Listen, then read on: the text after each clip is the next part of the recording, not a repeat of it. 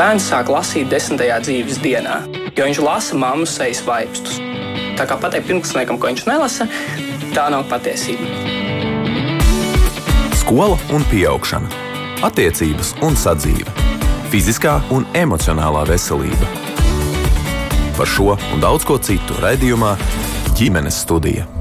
Labdien, klausītāji! Raidījuma producente Liena Vimba, mani sauc Mairits Notiņa. Karš un tā tuvums ir mūsdienu dzīves realitāte kā to uztver dažādi vecuma bērni, vai divus gadus pēc kara Ukrainā pieaugušie bērniem prot precīzāk skaidrot notiekošo un gatavi arī rīkoties x stundā, un vai pieaugušie spēja bērniem sniegt drošības sajūtu tagad, kad pati pasauli ir nedroša.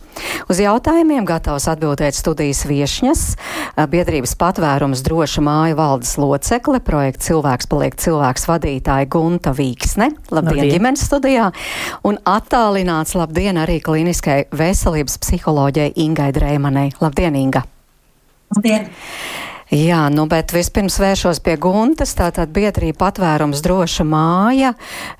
Jūsu iniciatīva ir tā, ka vajadzētu izstrādāt šādu, nu, tādu materiālu, kā palīgu vecākiem, kā tad runāt ar bērniem par karu. Starp citu, tas nav pirmais. Ir dažādas citas nevalstiskas organizācijas piedāvājuši šādu palīdzību vecākiem. Kāpēc jūs tagad uzskatījāt, ka tas ir nepieciešams tomēr?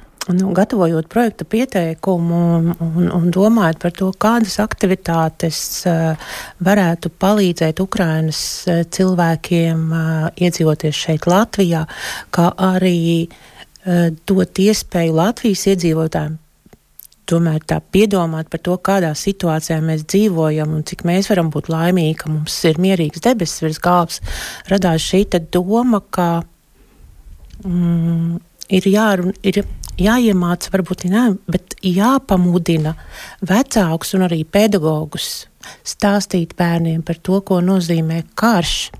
Jo, ziniet, mums bija pagājušā gada augustā viena ģimeņu nometne, Ukrāņu un Latviešu ģimeņu nometne uz trīs dienām, un tur pieteicās viena Latvijas ģimene, kura bija četri vai pieci gadu vecs bērniņš. Un šī sieviete mums uzdeva jautājumu, vai jūs runāsiet tur par karu? Un es saku, nu, nē, mēs tā kā nav tēma domāt nometnē par karu, bet droši vien, ka cilvēki pie tās tējas vakarā pie uguns, kura gribēs par to runāt, tad mēs par to runāsim. Viņi saka, ziniet, tad es nebraukšu uz to nometni, jo es negribu, lai šīs šausmas dzird mans bērns.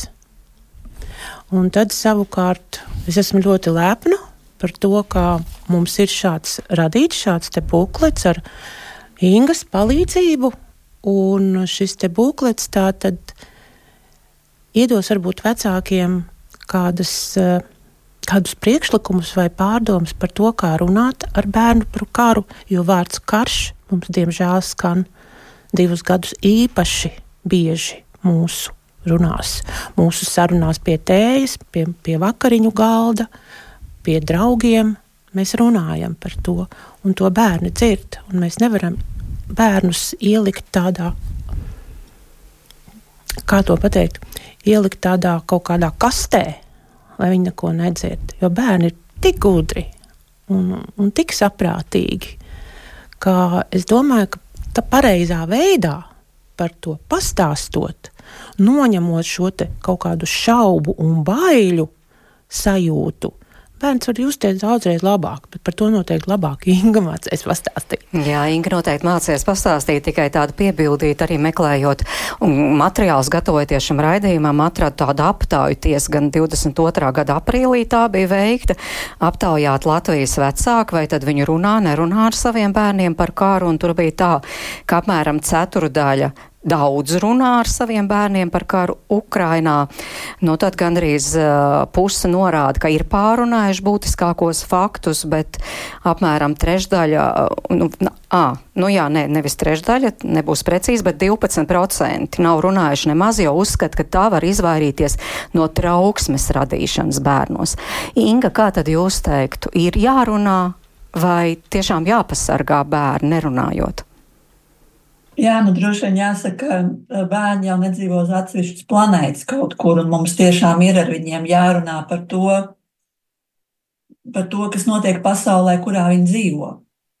Un šobrīd bērni dzīvo pasaulē, kurā ir karš.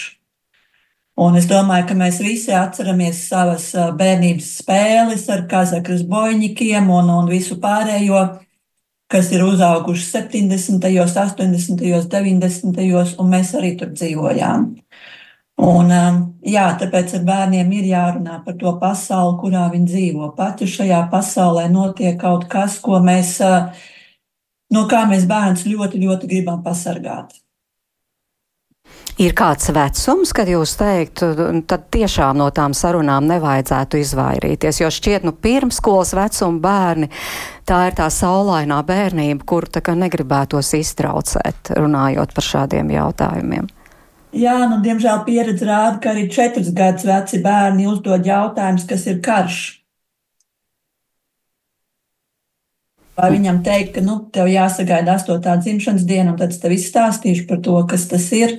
Nu, Tā kā jā, pieredze rāda, ka arī četru gadu vecumā bērniem mums ir jāatbild uz šo jautājumu. Protams, atbilstoši viņu vecuma posmam. Ja, tā tad nu, mēs nestāstām par detaļām, bet ir ārkārtīgi daudz pasaku un bērnu grāmatas, kurās vairāk vai mazāk tam pieskarās. Bērnu rotaļās viņiem ir karavīru figūras, ja viņi zina, ko nozīmē mm, karavīrs, ko nozīmē virsnieki, ko nozīmē bruņinieki. Līdz ar to tas koncepts par karu arī četru gadu vecumā bērnam nav svešs. No speciālisti, kurš strādā ar bērniem, kur ikdienā ir kopā ar bērniem, viņi saka, ka tiešām bērni uzdod ne tikai šo jautājumu, kas ir karš, arī šie pirmskolas vecuma bērni jautā, kāpēc cilvēki karo, kas ir arī tāds diezgan populārs jautājums, un vai bērniem arī vajadzēs karot. Bet, nu, kā tad, Inga, kā jūs ieteiktu atbildēt, ja kādam no vecākiem no bērnu mutes tiešām izskan kāds no šiem jautājumiem, bet ko tad teikt, kā atbildēt? Jā, nu, pirms mēs atbildam bērnam uz šo jautājumu, burtiski ievilkt elpu un uh, atbildēt sev uz to jautājumu, kas ir karš, pēc iespējas lietišķāk. Ja, tā tad, um, un izvairīties no tādiem konceptiem kā ļaunums un necilvēcība, un ka to dara tikai nezvēri, jo to dara cilvēks. Ja, tā tad, kā es lietišķi varu pateikt, kas ir karš? Ja ka viena valsts ir uzbrukusi otrai valstī. Uh, bet mēs varam arī bērniem pateikt, ka mm, mēs savā valstī esam darījuši visu, lai tas nenotiktu šeit. Un lai šeit mēs būtu drošībā un bērniem nebūs jāiet karot. Protams, ja mēs saskaramies ar tik eksotiskām, nu, brutāli skan, bet ar tik eksotiskām pieredzēm, kā Eh, bērnu kareivji, ar ko mums nav jāsaskaras praktiski, ja, vai vismaz ļoti epizodiski kaut kur. Tad tas ir eh, papildus slodze klāt. Ja, bet šajā situācijā vismaz pagaidām mēs varam būt, eh, jā, ka tas ir, tas ir viens valsts uzbrukums otrai valstī, un pieaugušie dara visu, lai to apturētu. Un šeit mēs esam darījuši visu, lai tas uh, nenotiktu. Nu, bet, ja tomēr seko šis kāpēc, bet kāpēc? Jā, nu tad mēs varam pateikt, ka mums ir grūti uz šo kāpēc atbildēt. Tas, ko mēs uh, zinām, redzam, nu, ka viena valsts sagribēja kaut ko, kas uh, pieder otrai valstī. Mēs varam reizēm teikt, piemēru, ja ka Um, nu, reizē mēs redzam, ka viens grib paņemt mantiņu no otra bērna. Nu, ka tik ļoti gribās, ja pat nepaprasa atļauju un paņem. Nu, tad šādi līdzīgi notiek arī, uh, kad viena valsts sagrib kaut ko no otras valsts un pat uh, nepaprasa atļauju, kā es varētu to iegūt. Vienkārši iet un paņem. Un tas gan ir kaut kas, kas ir uh, nu, arī četrgadīgi bērni, viņi zina, kā tas ir, ka gribas paņemt kaut ko, kas nepieder man, vai ka kāds ir no manis paņēmis kaut ko, kas nepieder man. Īpaši tie bērni, kas ir gājuši dārziņā, vai ne? Viņiem visiem ir tā pieredze, ah, māmu Pēters man atņēma, ja vai Ilze man neļāva, viņa nedeva man, un es to gribēju. Visiem bērniem šī pieredze faktiski par to, ka kāds grib paņemt kaut ko, kas viņam nepieder, ir. Un tur līdzās vienmēr ir arī emocijas. Jā, jā, emocijas ir vienmēr no viņām mēs nevaram izvairīties. Un, protams, ka ir bērni, kur ir emocionāli jūtīgāki, un tad vecāki var pieņemt šo lēmumu, uh, ka nerunāt ar bērniem par karu. Ja lai viņos tās emocijas tā neprovocētu vēl vairāk, un, uh, bet tad notiek um, atgādinājums, ka šie bērni paliek vēl trauksmaināki. Jo pat klusumu bērni prot iztulkot. Ja man tieši praksē nākot Ukrainas bērni, un tieši tas pārsteigums no vecākiem, ka viņi saka, mēs darām visu, lai mājās par šo jautājumu nerunātu vispār. Un bērni viņi pat klusumu atrod, kā iztulkot. Un klusums tiek iztulkots daudz trauksmaināk nekā atklāta informācija. Tāpēc iespēja robežās lietišķi ir par to jārunā. Tad, kad bērniem nāk emocijas, mēs ļaujam uzklausīt tās emocijas, ļaujam viņas runāt, varbūt attēlot, spēlēt, un ka ir dusmīgs un ir ļoti sāpīgi dzirdēt no bērna, kad viņš nevis fantazē par to, ka būs dzīvnieku audzētājs savā pieaugušo vecumā un būs vetārsts, bet ka izaugs un būs ninja un dosies iznīcināt vienu konkrētu cilvēku, tādai fantāzijai nevajadzētu būt bērnu pasaulē, bet viņa ir. Un man ir jāļauj runāt par to fantāziju un teikt, vai ir kaut kas, kas tam ninjam vēl patiktos darīt, tad, kad viņam nav jādodas uzbrukuma misijās, ja, vai viņš varētu uh, vēl kaut ko iemācīties, un tad pamazām, pamazām tam bērnam ļaut noticēt, ka eh, došanās karā nav viņa atbildība. Ja, jo daudzi bērni, diemžēl, bet, nu, viņi kļūst agrīni par pieaugušajiem eh, varoņiem, kuri pieaugs, un tad viņi būs tie stiprinieki, kuri mm, izglābs to pasauli. Jā, klausītāji arī laipni aicināties iesaistīties mūsu sarunā, un, piemēram, Ainārs raksta, bērni visu zina, ko jūs te fantazējat. Gunta, jūs piekrītat? Es piekrītu, es jau par to arī pateicu, tāpēc arī tap šis te buklets. Bērni visu zina, bet varbūt, ka ir vecākiem grūti par to pastāstīt, un tāpēc šis materiāls ir domāts arī vecākiem, lai vecāki ar viņu iepazīstoties, var šo informāciju nodot bērniem. Tāda bija arī galvenā bukleta tapšanas jēga. Bet viņš tiem... nav garš, viņš nav tāds izplūdes, viņš ir konkrēts soli pa solim, kas jums būtu jāizdara. Un pazīstot savu bērnu, man liekas, katrs vecāks var ļoti labi šo te materiālu, šo te tēmu pārunāt ar bērnu. Ko tad īsti spriež bērni, kur šobrīd mācās pirmskolas izglītības iestādēs? Ģimenes studijai bija iespēja sarunāties ar sešus gadus veciem bērnu dārzniekiem, arī ar viņa audzinātāju Elvīru. Nu, lūk, ko, kā, kā un ko viņi spriež par šo tēmu klausāmies. Vai jūs dzirdat, ka bērni runā par notikumiem, kas šobrīd ir aktuāli šeit pie mums Latvijā vai pasaulē? Mēs dārziņā īpaši to tā. Uh, no savas puses varbūt neakcentējam tik ļoti. Mēs vairāk esam vērsti uz, uz to, ka viņi kritiski vispār skatās uz visu, nu, kad viņi izvērtē visādi informāciju, kas ir. Bet, ja viņi kaut ko dzird mājās vai televizorā, viņi nāk un pastāsta brīžiem, ja viņus tas ir aizķēris. Jo nu, šajā vecumā, kad ir tie seši gadi, tad uh, sāk interesēt vairāk viss tā apkārtējā informācijas telpa. Vai jūsu vecāki skatās, klausās ziņas? Televizorā vai rādio. Mēs skatījāmies. To darām gandrīz katru vakaru. Ko tad jūs skatāties katru vakaru? Panorāmu. Ko tur tajā panorāmā stāstīja tagad pēdējos vakarus? Šorīt es dzirdēju par kaut kādu izmeklēšanu, kur kuģis ir nogrimis. Pārunājāt ar tēti, kāpēc tas kuģis ir nogrimis? Nē. Nu, kā tev šķiet, cik interesants vispār tās ziņas tur ir, ko stāsta? Diezgan.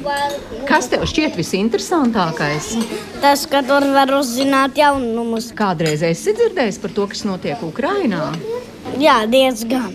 sākumā, kad es knapi biju sācis skatīties ziņas, es dzirdēju, ka Krievija ir trāpījusi tikai divas spērnotās raķetes. Nu, kā tev šķiet, tas, kas tur notiek, tas ir briesmīgi? Ja? Jā. Bet nu nav pašam tāda jocīga sajūta klausoties. Nav, ja? Jā. Tu arī gribēji kaut ko piebilst. Vispār Krievija vēl cīnās, un cik ilgi viņi tur cīnīsies kaut kā? Cik ilgi? Bet kā tev gribētos? Ka viņi beidz cīnīties. Bet tu ar vecākiem kādreiz pārunā šos jautājumus? Nē. Bet tev gribētos ar kādu parunāt? Nē. Nē, ar draugiem šeit bērngārzā arī Nē. nē. Nē, labi. Vēl kāds varbūt klausās ziņas. Aņa, varbūt tu? Jā, Viņa runā ļoti skaisti latviešu. un ir no Ukrainas. Jā, viņa gada laikā tiešām ļoti tā tekoši, skaisti iemācījās runāt. Nu, bet tad tas Ukraiņas jautājums kaut kādā brīdī bija aktuāls vai nē? Pašā sākumā tas tā vairāk bija izteiktāk. Tad, kad visiem tiešām bija kaut kāda baiļu sajūta arī vecākiem mājās, un tad uh, daži savus ceļojumus kaut kur atcēla un tad par to stāstīja, nu, ka baidās lidot. Uh, un tā, bet, uh, Bet, nu, uh, jā, sākumā mēs tā vairāk to izcēlām. Protams, ikdienā, ja šāda tēma uzpeld, tad arī to pārunājam un, un saprotam un jūtam līdzi. Jo nu, mums arī grupiņā tiešām ir bijušas uh, četras meitenes. Jā, ir, ir divas gan ir atgriežušās atpakaļ, bet divas vēl projām ir pie mums un arī visticamāk paliks pie mums. Bet nu, arī kādam tas ir ļoti sāpīgi par to dzirdēt. Tāpēc, Nu, tā vienkārši saruna mēs par to neiesākam. Jūs teicāt, jūs tomēr esat kaut kad pārunājuši. Nu, ko jūs stāstat bērniem? Tie tādi mierinoši vārdi, ka viss būs labi, viss nokārtosies vai kā? Jā. Jā, mēs, mēs vairāk uz to pozitīvo un nu, esam runājuši par to arī, kad, kā visa pasaule palīdz. Un, kad karš, nu vienalga, kam ar ko viņš ir, ka tas ir ļoti, ļoti slikti un ka cilvēki tiek nu, ievainoti vai iet bojā bez iemesla īpaši. Bērni to ļoti labi saprot. Viņi par to ir daudz dzirdējuši šos pēdējos divus gadus. Jā. Nu, bet tagad jau tā kā mierīgāk, es saprotu, vairs tas jautājums nav tik aktuāls, kā tas bija sākumā, jā, pirms diviem gadiem. Jā, jā arī, arī nu, vispār pieaugušie vecāki ir palikuši mierīgāki. Nu, nav jau nekas, protams, tur no, norimies vai ne, bet, uh, bet jā, nu, vienkārši nav, nav laikam arī nekāds progress tajā visā, tāpēc uh, mēs saprotam, ka varbūt ka mēs tik daudz nevaram ietekmēt ar pārdzīvošanu. Nu, tādas sarunas bērnu dārzā ar sešgadniekiem un viņa audzinātāju. Un tiešām paldies, ka, ka bērni iesaistījās un mazliet arī pastāstīja. Mums kāds klausītājs raksta šausmas, tik maz un jau var pateikt pārnotās raķetes. Es ticu, ka viņi visu saprot, vienkārši tas no maz bērnu muts izklausās tik drausmīgi, ko mēs pieaugušie esam nodarījuši un sastrādājuši. Ka, kauns tiešām par mums. Nu, tā mums raksta klausītājs. Jā, droši vien, ka tā var pie, tā, es, varu, es viņam varu piekrist. Jā. Tas ir briesmīgi. Jā.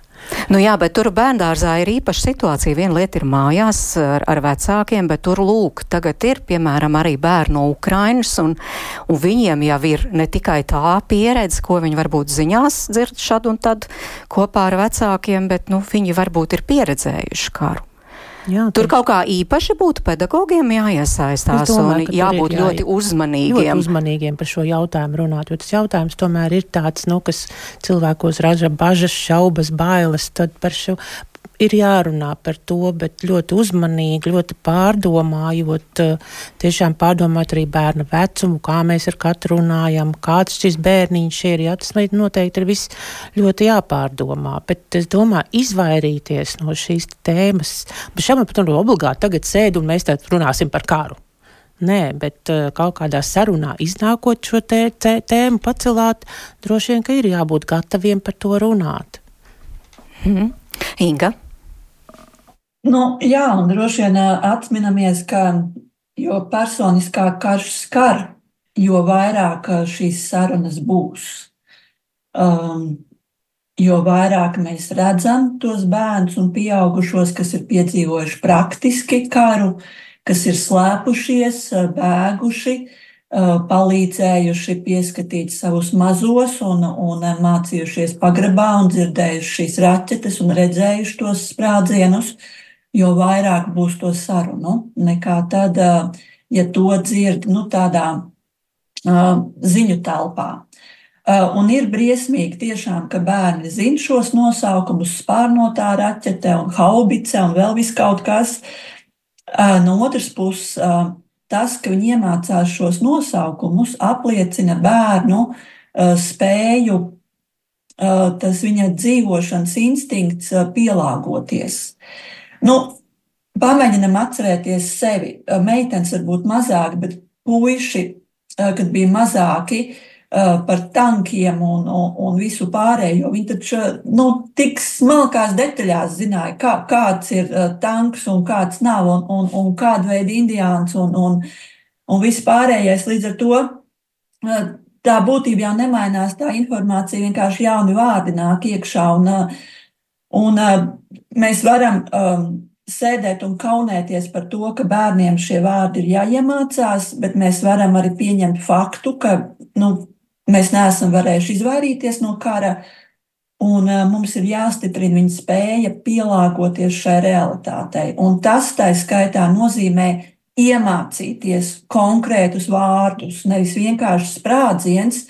Tas, ko arī no Ukraiņas cilvēkiem dzirdot, viņi saka, tiešām, un arī vakar klausoties, vakar, jā, krustpunktā žurnālistiem, ja, viņi saka, viņi iemācās jau nu, izšķirt ko katrs troksnis nozīmē, un tas palīdz saprast, kā vajadzētu rīkoties. Un tas ir tas izdzīvošanas instinkts. Un tas pats arī bērniem, jo ja viņi iemācās šos dažādos vārdus un diferencēt visu, viņi meklē, kā, kā šais apstākļos funkcionēt. Tātad, kā saglabāt savu izdzīvošanu. Protams, tas uzreiz ierobežo dzīvošanu, kas ir miera laikos. Bet, ja viņš neizdzīvos, tad viņš nevarēs arī dzīvot. Bet vēl tāds precizējums par tiem vārdiem, tad arī paskaidrot, piemēram, ko tas īsti nozīmē. Varbūt bērns lieto to vārdu un vispār nesaprot, vajag viņam skaidrot. Ja bērns prasa, jā, un ja mēs redzam, ka tas ir ļoti neiedzīgi lietots vai ļoti neprecīzi, mēs paskaidrojam, kas tas ir. Jā. Mm. Un, un otrs taču arī dodas uz, uz parādi, dodas 18. novembrī, 11. novembrī. Uh, uz dažādiem pasākumiem, kur ir Latvijā tā militārā tehnika redzama vai ne. Viņi tur arī uzdod tos jautājumus, kas tas ir vispār, un, un, un tur tos izdalījums. Tā kā, nu, Jā, mēs palīdzam eh, saprast, kas ir kas. Un otrs tāds precizējošs jautājums, eh, bet šajā pirmskolas vecumā šīs emocijas, un varbūt ne tik labās par karu, var arī izspēlēt, nu, piemēram, spēlējot kariņus. Tas jau arī notiekās. Ja mēs ļaujam bērniem spontāni spēlēties, tad viņi izdara to visu. Viņiem ir uh, lācis pārvēršas par kareivi, un ēzelis pārvēršas. Visi tur tiek iesaistīti, un katrs kaut ko dara. Ja, tā tad, un, nu, galvenais, lai tā spēle var kaut cik um, nu, pabeigties pa, di, pa to dienu, ja lai ir tā, uh, nu, tā ticības uzvara, ka mē, nu, tā ticība uzvarai, ka mēs uh, tiksim ar to galā, ka mēs uh, sagaidīsim to uzvaru, un mēs varēsim dzīvot mierā pēc tam. Klausītāji, Anēti jautā, bet ja bērns ļoti labi saprot un jūt, kā mierināt vecāku prātus? Mm. Jo vec, droši vien bērns jau nolasa arī tās vecāku emocijas, un ja vecāks pats ir nu, satraukts un, un, un tādā, tad, tad kā viņš to mieru, kā jūs teicāt, ka viss būs labi, kā viņš var iedot tādam bērnam? Tāpēc, teiksim, tā bukletā pirmā daļa ir sagatavoties sarunai.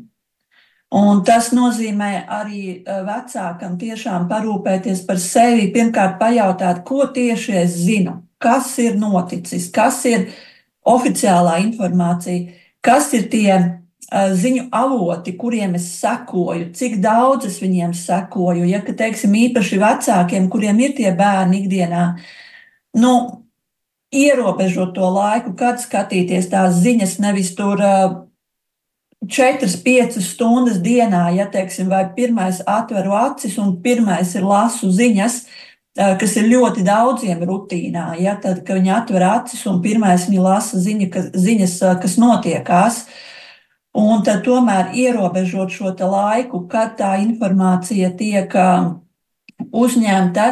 Un tad, protams, ir tāds plāns pašam par savu ģimeni. Nu, kā es palīdzu savai ģimenei, cik droši es šeit jūtos, vai es palieku tepat, vai es pieņemu lēmumu doties prom. Ja es palieku tepat, kā mana ģimene var parūpēties par sevi. Jo bērni, un ja mēs runājam par traumām, par to, kura pieredze pārvēršas par traumu, tad nu, karš pats par sevi lielākajai daļai pārvēršas par traumu, jo tur ir pārāk daudz, viss kaut kas notiekās, bet pēc būtības Tas galvenais ir, ko mēs darām ar to pieredzi, ko piedzīvojam. Ja cilvēks paliek viens pats, tad šis notikums paliks par lielāku traumu. Ja cilvēks ir kopā ar kādu un var arī pateikt, ka man arī ļoti sāp sirds par to, kas notiekās, un mēs meklēsim veidu, kā palīdzēt tiem, kas cīnās karā, tad šī trauma paliek nu, um, vieglāk uh, pārstrādājama, ir vieglāk uh, pēc tam atveseļoties un turpināt kaut kā to savu dzīvi. Ja tā tad un bērniem ir jāredz, ka uh, vecāki uh, parūpēs arī par savu ģimeni. Ja tā tad tas, kas bija tā pati ēdienas sagatavošana un, un kartes iegādāšanās, ka ir, ka mēs paļaujamies ne tikai uz internetu pieslēgumu, bet mums ir Latvijas karte kaut vai mājās, un mēs pamēģinām, kā mēs varam orientēties pēc kartes, ja, un kad dodas kādā pārgājienā vai vēl kaut kur, kā to izdarīt. Un tad, kad bērns redz, ka, ka vecāks uh, dara, uh, tad viņam ir vieglāk pieņemt. Nu, manuprāt, īpaši svarīgi tas ir jau runājot par tādiem lielākiem bērniem, īpaši par pusauģiem, un starp citu par to es pārliecinājos arī sarunājoties ar diviem pusauģiem. Piekrit ar mani aprunāties Viesturs un Kārlis, vai viņiem un vienaudžiem ir aktuāls jautājums par karu, un vai pieaugušie ar viņiem par to runā. Klausāmies! Mani sauc Viesturs, un es esmu 12 gadus vecs. Sveiki visiem! Mani sauc Kārlis, un es esmu 11 gadus vecs. Puisi, vai jūs sekojat līdzi, kas notiek Ukrajinā? Jā, tā kā sēžot pie datora, man bieži arī rādas visādi jauni Ukraiņas ziņojumi, nu, kas notiek Ukrajinā. Tad vēl ar vecākiem sēžot, skatoties panorāmas. Kārli, tu arī seko līdzi? Kara sākumā tas bija divreiz vairāk, jo vairāk uztraucos, bet tagad jau tā mazāk sakoju līdzi. Bet eh, par ko tu uztraucies? Kas tev likās tas uztraucošākais? Nu, tas, ka varētu tā notikt arī ar mūsu valsti. Ir jā, kā satraukums un aizdomas tādas, to, ka, ja nu uzbruk Latvijai, tad ko darīs Latvija? Nu, mēs, kad karš sākās, mūsu ģimene runāja to, ka kaut kur varētu bēgt vai slēpties, nu, kaut ko tam līdzīgu. Nu, bet jūs ar vecākiem arī pārunājat tātad šīs ziņas? Jā, esam runājuši. Nu, viena lieta, ko es sadzirdēju, jūs esat pārunājuši, ko mēs darītu šādā situācijā. Ko jūs vēl ar vecākiem esat par šo pārunājuši? Kas būtu jāņem somā līdzi? Nevis tur, piemēram, nezinu, lampa vai kaut kāda pildspalva, bet, es nezinu, tur drēbes, termosi, sagas, spilveni. Kārli, varbūt tev atmiņā palikusi kāda saruna ar vecākiem tieši par šo jautājumu, par karu un par tādām lietām? Cik tas nopietni ir un jā, kāda situācija? Skolā ar kādreiz pārunājot ar klases biedriem, ar skolotājiem? Nu, ne ar skolotājiem tieši, bet ar klases biedriem esmu pieminējušies viens otram kur viņi bēgtu vai patvērtos, nu, ja Latvijā sāktos karš, tad ko viņi darītu? Nu, pašā sākumā mēs ar skolotāju runājām, un skolotāji visai klasē stāstīja, ka Ukraina ir jāatbalsta. Un, jā. Jā, nu, man ir liels aizdoms to, ka varētu Ukraina uzvarēt. Bet arī varbūt otrādi. Nu, cerams, ka nebūs tā. Bet vai jūs arī atbalstāt kā ģimene Ukrainu, lai, lai tiešām tā uzvaru? Kā jūs atbalstāt? Uh, tad, kad sākās Ukrainā karš, mums, varētu teikt, pilna māja bija ar Ukrainas karogiem un nu, domām par uh, Ukrainu to, ka uzvarēs, devai, devai, saņems.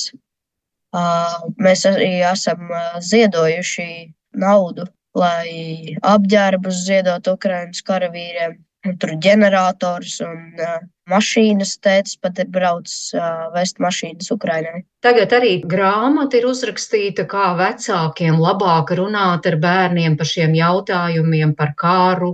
Kā jūs teiktu, kādu padomu jūs dotu pieaugušajiem, kā piemēram ar jūsu vecumu bērniem, ko noteikti vajadzētu pārunāt?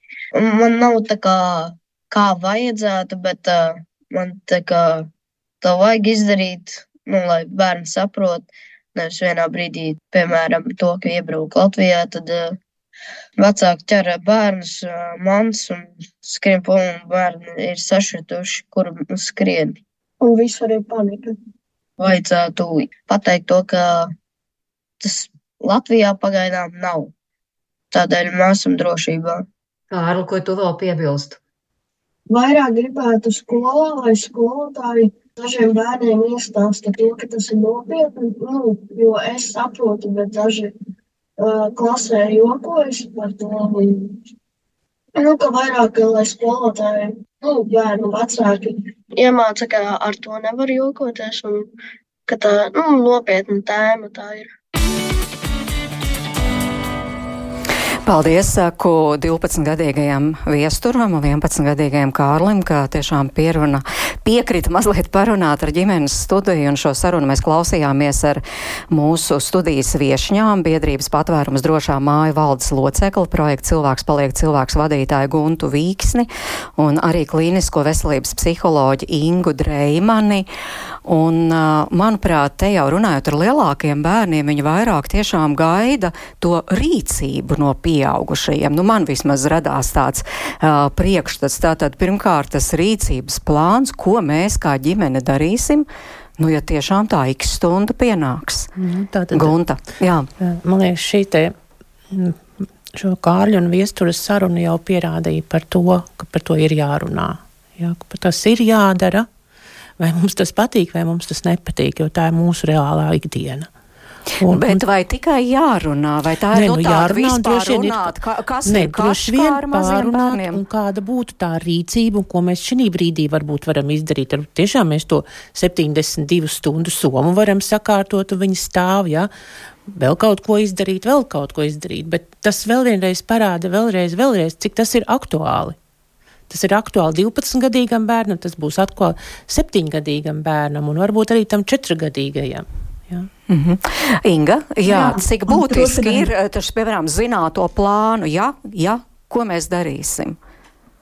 Es domāju, ka ļoti, un arī tas, ko nu, šie puiši minēja, un, un papildinot, ā, viens ir zināt, bet otrs ir kaut ko no tā visa pamēģināt. Piemēram, ja tas, ko Zēna minēja par to pašu slēpšanos vai, vai tur ā, došanos kaut kur mežā, nu, um, to taisīt kā izklaidi, bet uh, pamēģināt aiziet tā vienā pārgājienā ar to gulēšanu pa nakti mežā, lai, lai ir kaut kā tā praktiskā pieredze, lai zinātu, ka eju, tas ir tas, ar ko es varu tikt galā. Jo, ja bērnam nav pieredzes, eh, nu, iet ar kājām garu gabalu, ko var nākties iet vai ne, uh, nakšņot teltī vai, vai zem klājas debesis, tad tas ir kaut kas milzīgs, un kā es vispār tikšu ar to galā.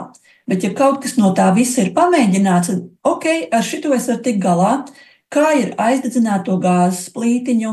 Uh, un, nu, tie ir tādas uh, praktiskas lietas, ne, kā ir pēc iespējas ātrāk saģērbties, ja, ja vajag. Nu, ka es varu to izdarīt, lai tas viss nav tikai, kā saka, teorijā jau skaisti, bet praksē viss ir citādāk. Ja nu negribētos, ka, ka krīzes situācijas ir kaut kas, kur cilvēks ir negatavs. Un arī tā klausoties to bērnu un pusauģu teikto, man gribas papildināt, kāpēc vēl ir svarīgi, ka mēs tomēr mūsdienās runājam par karu. Jo, ja mēs domājam piemēram, par laika apstākļiem, tā kā pie mums ir ziema, ir sals, ar visām no tā izrietošām sekām, mēs ar bērniem par to runājam. Pie mums ir vasarā ugunsgrēki, mēs ar bērniem par to runājam. Pasaules valstīs, kurās ir zemestrīces, ar bērniem par to runā. Pasaules valstīs, kurās ir uh, milzīgas vētras, ar bērniem par to runā. Un mūsu valsts, mūsu pasaules daļā ir karš, un mums ir par to jārunā. Jā, no te vēl tāds papildus jautājums no klausītāja, vai arī ar maziem, nu, teiksim, bērni, bērniem, kur mācās vēl bērnu dārzā, būtu jāizrunā šāds rīcības plāns, kur mēs patvērsimies, vai dosimies prom, vai uz kurien tad brauksim, un ko darīsim, ja, ja pārtrūks saziņa, ja nevarēsim sazināties savā starpā. Ja bērni jautā, tad jā, jo ir četrgadnieki, piecgadnieki, kuri ir ārkārtīgi ziņkārīgi un viņi grib to zināt. Un tad tiešām, jā, uz kurien doties, kā palikt, kur paslēpties, ko darīt, tad jā, jā ka pie kaimiņiem var griezties, ja kas, ja tā, tad, bet nu, pirms tam varbūt ar tiem kaimiņiem iepazīties, jā, lai nav tā, ka bum, bum, te nu es esmu. Jā, ja četrgadnieks, piecgadnieks savā ziņkārībā jautā, labāk atbildēt, ko mēs darīsim vai kā mēs braucam pie vecākiem uz laukiem. Ja šis ir tas ceļš, pa kurien mēs dosimies. Nu, tas saziņas moments, starp citu, arī, manuprāt, ir diezgan mm -hmm. svarīgs, vai ne? Tomēr varbūt šajā laikā, nu, biežāk pateikt, arī bērni, vecāki bērniem pasaka, kur mēs atrodamies, kur mēs būsim, kad, kad būsim, un pretēji arī vecāki, nu tā kā vairāk būt tādā sasaistē un saziņā. Nu jā, bet tas atkal pierāda to, ka par, par visu ir jārunā. Ģimenei tas viss ir jāpārunā šie jautājumi. Un tad, ja ir šī zināšanas, tas jau vien iedod kaut kādu tādu drošību cilvēkā. Jo neziņa jau raisa mūs ļoti daudz dažādas uh, trauksmi, un neziņu un bailes. Un, bet, ja mēs zinām, ka šajā situācijā mēs, mums būs plāniņš tāds, ABC, bet šādā situācijā var būt šāds, tas iedod šo drošību. Tātad runāt par to un neizvairīties no to. Mhm. Un Imants vēl piebilst, galvenais jāstāsta patiesība, ar nepatiesības stāstīšanu var zaudēt autoritāti.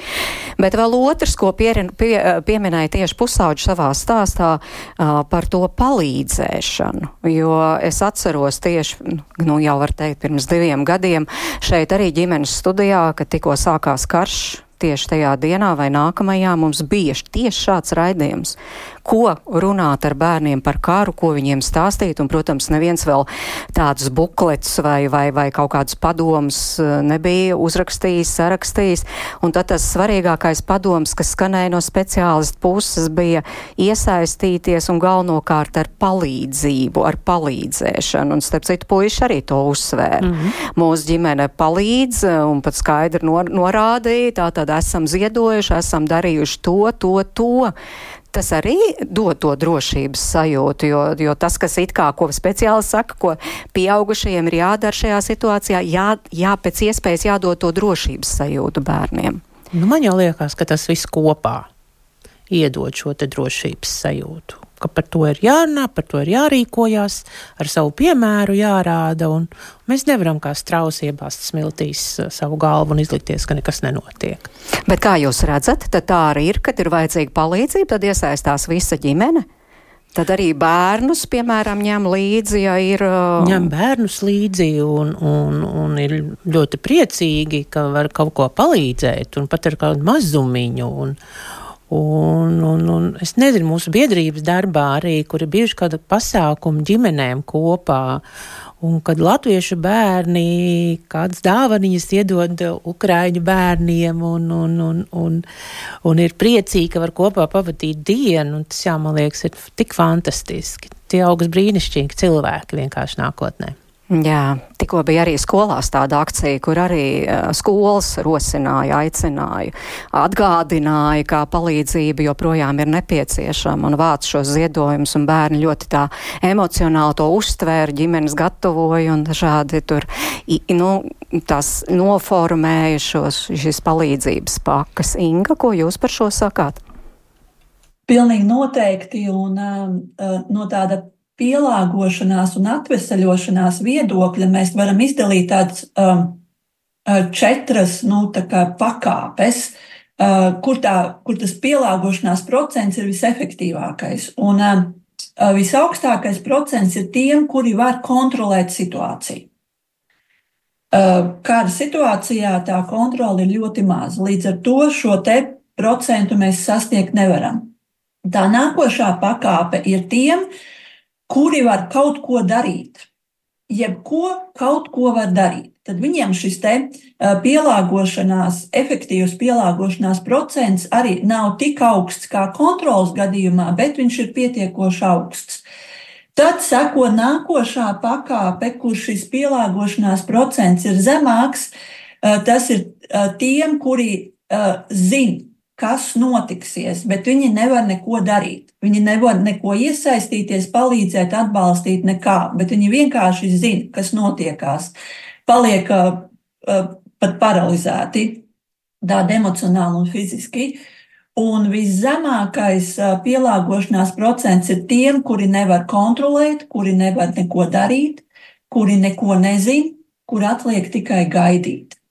Ja tādā militārā psiholoģijā gaidīšana ir viens no eh, stresa faktoriem izdalīts, ja kuram ir milzīga eh, nozīme, kuru nedrīkst ignorēt. Un līdz ar to, lai cilvēks nepaliktu tikai tādā gaidīšanas režīmā, ir jāatrod, un, un lai nesēdā tikai tai informācijas haosā, kas šobrīd ir, arī dzen, eh, tad ir jāatrod kaut kas, ko darīt. Un palīdzēt ir viens no tiem ko es varu darīt. Un bērniem, īpaši 4 gadu vecumā, 5 gadu vecumā, ir svarīgi piedzīvot, ka tas, ko viņi dara, tas ir svarīgi, tas ir nozīmīgi. Un iesaistoties šajā palīdzībā, bērns uh, uh, piedzīvo šo svarīgumu, ka manai rīcībai ir nozīme, un tas palīdz veidot un saglabāt šo te uh, arī psiholoģisko noturību, kura ir svarīga mums visiem. Nu jā, mēs runājam par pirmskolas vecumu bērniem, runājam par pusauģiem, bet vai kaut kā īpaši būtu jāizdala arī jaunieši, kuriem starp citu tagad ir ļoti aktuāls jautājums, kas, ko arī ir aktualizējis karš un vispār šis fonds, kas notiek. Tātad jaunieši, kuriem būs jāiet valsts militārajā dienestā, jāaizstāv savu valsts un, un arī ļoti svarīgs brīdis viņu dzīvē vai kaut kādā ziņā, kā, kā viņiem, tiem nu jau lielajiem, it kā, it kā pieaugušajiem vecāki var palīdzēt un var, var viņus atbalstīt. Man jau liekas, ka jārunā ir vienmēr neskatoties uz kādu vecumu.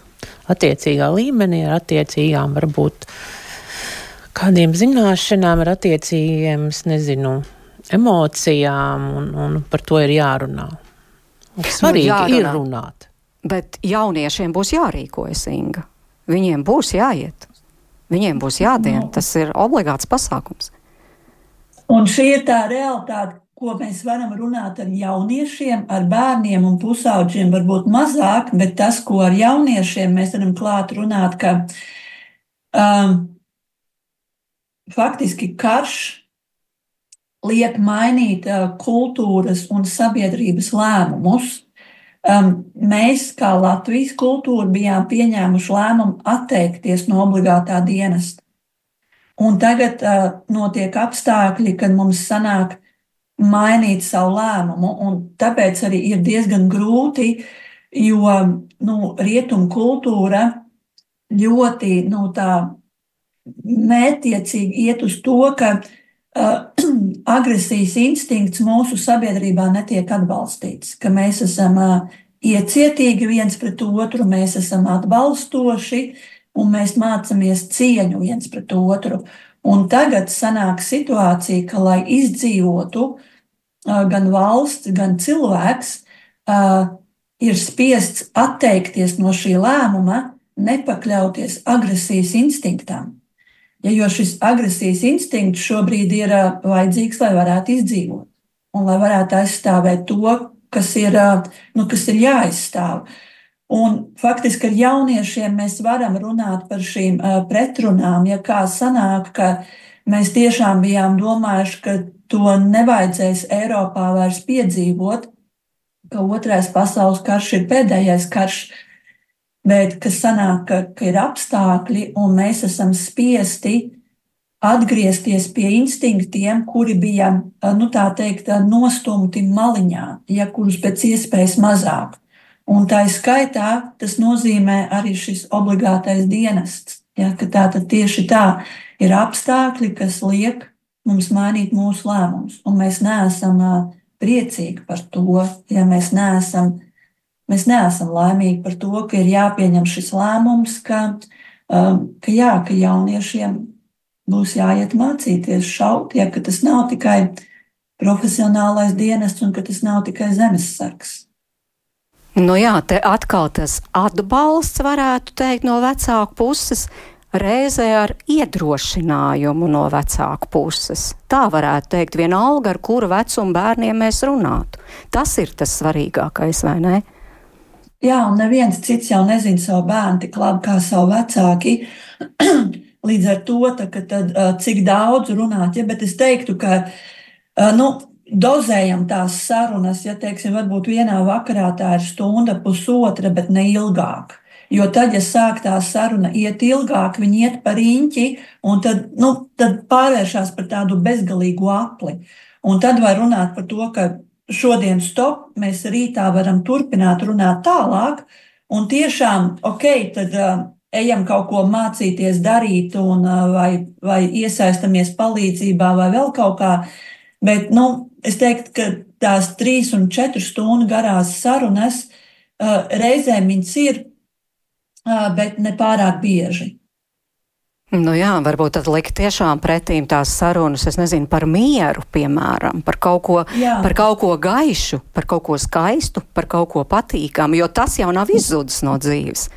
Jā, un mēs varam, jo tas, kas ir svarīgi, arī tad, ja šīs sarunas turpinās, tas nozīmē to, ka jaunietis un bērns, ka viņš meklē veidu, kā varētu kaut ko darīt. Tad nevis vienkārši zināt, bet kur es varu kaut ko darīt. Un tā tad, ka mēs varam, piemēram, palīdzēt. Mēs varam palīdzēt ar to pašu uh, Stopify un ar uh, aizvest uh, zeķes, aizvest uh, termosu, aizvest uh, powerbanku, uh, vēl kaut ko mēs varam. Uh, nu, palīdzēt informācijas telpā, dalīt to informāciju. Un, ja es zinu, ka man tur ir draugi ārzemēs, es varbūt varu aizsūtīt draugiem ārzemēs, ka klau, ka ja jūs varat atbalstīt kaut kādā veidā, vai ne, varbūt arī jūs varat noziedot uh, to finansi un, un neticēt uh, tām vājprātam, ja kas nāk no, piemēram, no Krievijas telpas, ja kas nāk ārā, ja ka nu, kaut kādā veidā, ka tā tad mums ir jāatrod kaut kāda viena maza rīcība, ko mēs varam izdarīt. Nu, varbūt Gunta, tad jūs par tām rīcībām vēl varētu paturpināt, varbūt tieši šajā brīdī, kad tiešām jau divus gadus karš Ukrainā notiek un arī citur pasauli ir nemierīga. Kā vēl var rīkoties, kā var visa ģimene iesaistīties kopā ar saviem bērniem, lai gal galā labāk justos? Man liekas, viena skaista akcija, ko, ko Latvijas, Latvijas ģimenes varētu izdarīt, tā būtu uzaicināt ciemos Ukrāņu ģimenes. Kopā gatavot vakariņas, varbūt pamācīties, kāda ir latviešu nacionāla ēdieni, uzzināt kaut ko jaunu par Ukrāņu virtuvi, ne tikai boršķu, bet varbūt kādas citas zupas un citu ēdienu, un būt kopā, varbūt pārunāt kaut kādas kopīgas lietas, un varbūt dažreiz veidot arī jaunas draudzības. Un tas jau arī būs ļoti liels atbalsts tiem cilvēkiem, kas šeit ir. Tāpat Šobrīd uh, Ukrāņu māmiņas, piemēram, biedrībā pašas jau gatavo uh, pasākumus bērniem. Tātad viņas ne tikai gaida, lai viņas kāds šeit Latvijā izdara, bet viņas ir tik spēcīgas, ka viņas var pašas saviem bērniem jau kaut ko norganizēt. Un tur ir aicināti piedalīties arī Latvijas bērni. Tātad dažādas iespējas, kā atbalstīt, varbūt ne vienmēr, nevienmēr ziedojot, uh, bet kas bez šaubām arī ļoti brīnišķīgi, bet arī dažādas citas akcijas. Vasarā, piemēram, būs atkal ģimeņu nometne brauciet kopā, jūs iepazīsiet šos cilvēkus. Tiem cilvēkiem jūs varbūt iedosiet kaut kādu prieku. Es dažreiz saku, mēs nevaram iedot naudiņas, mēs nevaram iedot um, drēbes, bet mēs varam iedot varbūt kādu nelielu laika sprīdi, kas uh, nav pilns ar ikdienas rūpēm, bet ar kaut ko sirsnīgu, mīļu un draudzīgu. Bet tos kontaktus, piemēram, ja grib tādu ukrāņu ģimeni uzaicināt, tad meklēt, piemēram, jūsu biedrībā, jā, jā kontaktēties. Mājaslapā un droši var meklēt, jā, mēs esam atsaucīgi. Paldies par šo sarunu. Es saku Guntai Vīksnē no biedrības patvērums droša māja un arī klīniskai veselības psiholoģai Ingai Dreimanai. Raidījuma producenta Liena Vimba, Ines Štrāla un Toms Šits pie skaņu pulces mērķis notiņu pie mikrofona un tiekamies atkal rīt 5 minūtes pār diviem. Vispār ir sanācis tā, ka mēs turpināsim šodien, varētu teikt, aizsākt to tēmu. Mēs tiksimies ar Ukrāņu dziedātājas Anastasijas Vasilenko ģimeni, ar viņu pašu, starp citu Anastasija. Jā, Vitina labi runā latviski, un to jūs varēsiet rītdien pārliecināties. Tiksimies arī ar viņas meitu Annu un māmu Lenu. Viņas visas trīs šeit jau divus gadus dzīvo Latvijā, viņas stāstīs ne tikai par savu ikdienu šeit, bet arī par to, cik ļoti gaida Ukrainas uzvaru un cik ļoti ilgojas atkal būt kopā ar saviem mīļotajiem vīriešiem, kuri dzīvo un strādā Ukrainā. Paldies, ka jums klausījāties, un lai jums laba diena!